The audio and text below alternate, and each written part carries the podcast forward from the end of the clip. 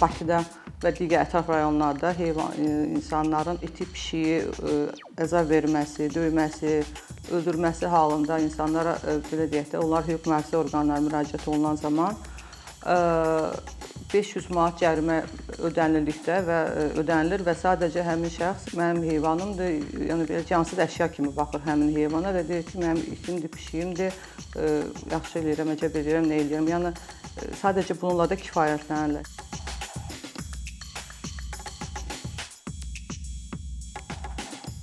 Sosial şəbəkələrdə tez-tez təəssüf ki, heyvanlara əzab verildiyini, onların öldürüldüyünü görürük. Bununla bağlı Azərbaycan qanunvericiliyində hansı sanksiyalar nəzərdə tutulub heyvanlara əzab verən şəxslərə münasibətdə və ümumiyyətlə heyvan haqqları hansı səviyyədə qorunur Azərbaycanda? Bu bu gün bu mövzuda danışacağıq. Qonağımız Vəkillər Kollegiyasının üzvü Mehriban Məmmədova. Mehriban xanım, xoş gəlmisiniz. Çox sağ olun Ayşə xanım. Mənim üçün bu həssas mövzuda məni dəvət etdiyinizə görə təşəkkür edirəm sizə. Mehriban xanım, heyvan dedikdə ümumiyyətlə hansı heyvanlar nəzərdə tutulur? Azərbaycan qanunvericiliyinə görə, heyvan aləmi haqqında qanuna görə Azərbaycan Respublikasının ərazisində Xəzər dənizinin gölünün Azərbaycan Respublikasına aid olan mənsub olan hissəsində havada, suda, quruda, torpaqda yaşayan e, sərbəst, yarım sərbəst e, yaşayan heyvanlar, vəhşi heyvanlar e, nəzərdə tutulur.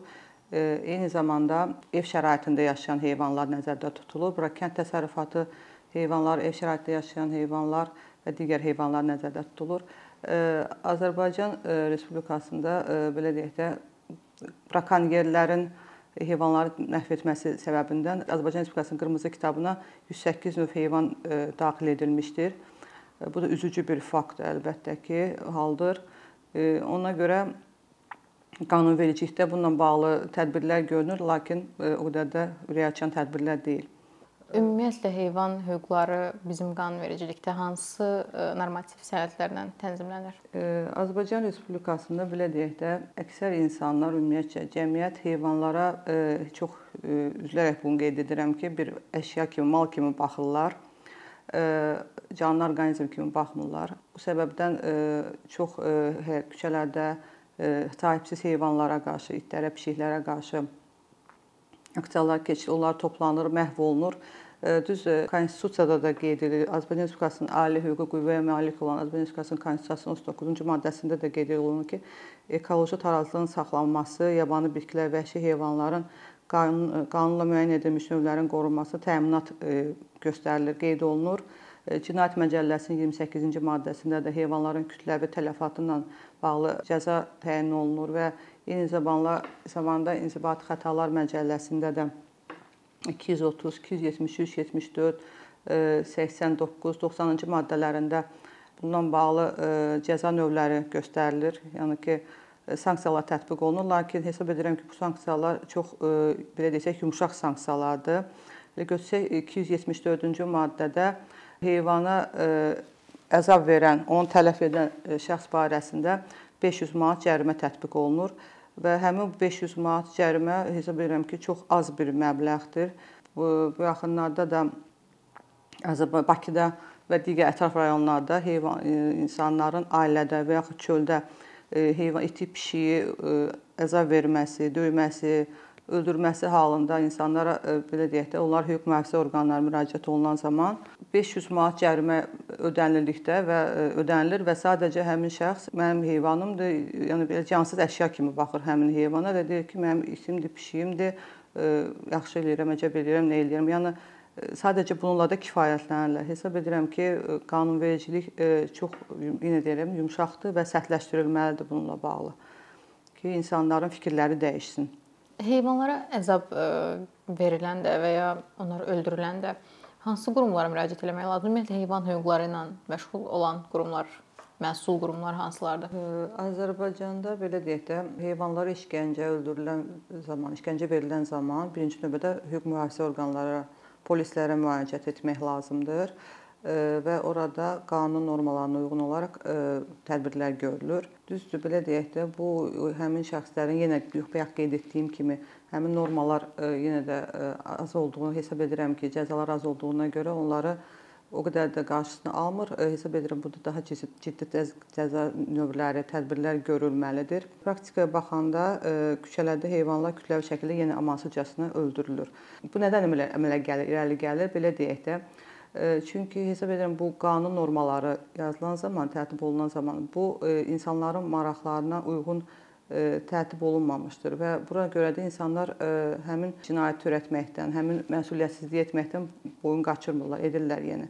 Burada hüquqi nihilizm yaranır. Əgər bu qədər qanun normalar, belə ciddi cəzalar, cəzalar varsa, mən çox ciddi hesab etmədiyimə görə ona görə çox ciddi cəza hesab etmirəm və deyirəm ki, burada hüquqi nihilizm yaranır. Çünki həmin bu cəzalar, qanunlar tərtib olunan zaman insanların maraqlarına uyğun tərtib olunmamış. İnsanlar həmin cinayəti törətməkdə yenə davam edirlər, maraqlı deyillər. Həmin e, məsuliyyət yaranmır onlarda, həmin e, cəzadan qorxmaq, çəkin çəkindirmir onları.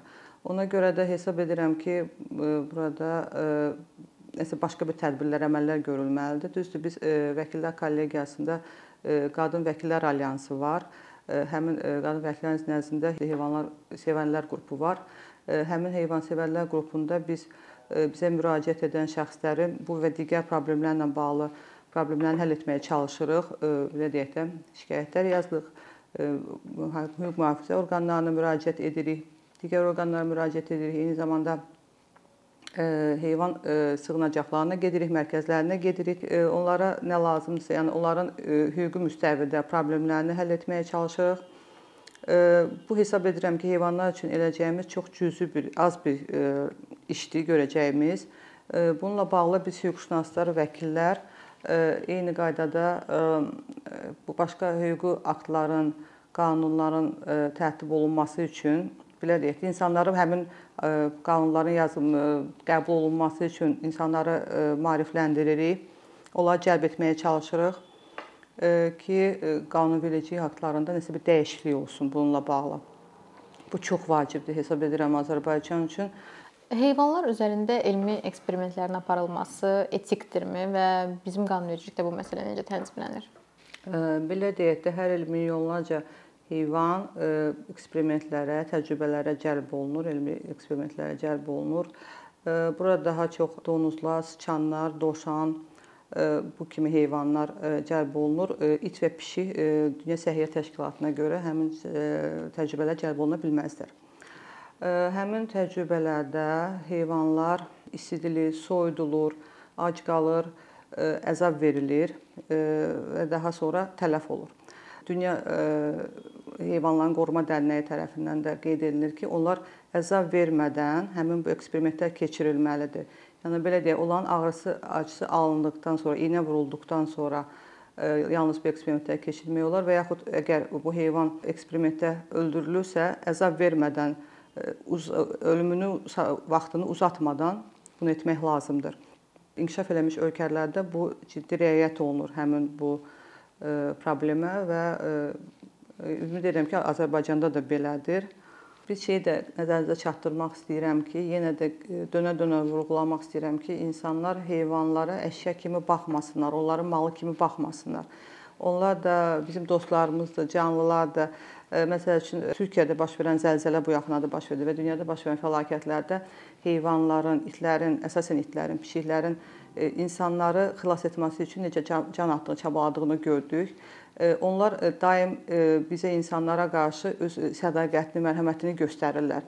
Ancaq insanlar özünü heyvanlardan daha e, ali varlı orqan hesab etdiyi halda onlara daim çox insanlar belədir. Ümumiyyətcə belə deyək də hesab istəyərdik ki, az olsun, amma çox insanlar onlara yenə də əzab verirlər, incidirlər, işgəncələr verirlər.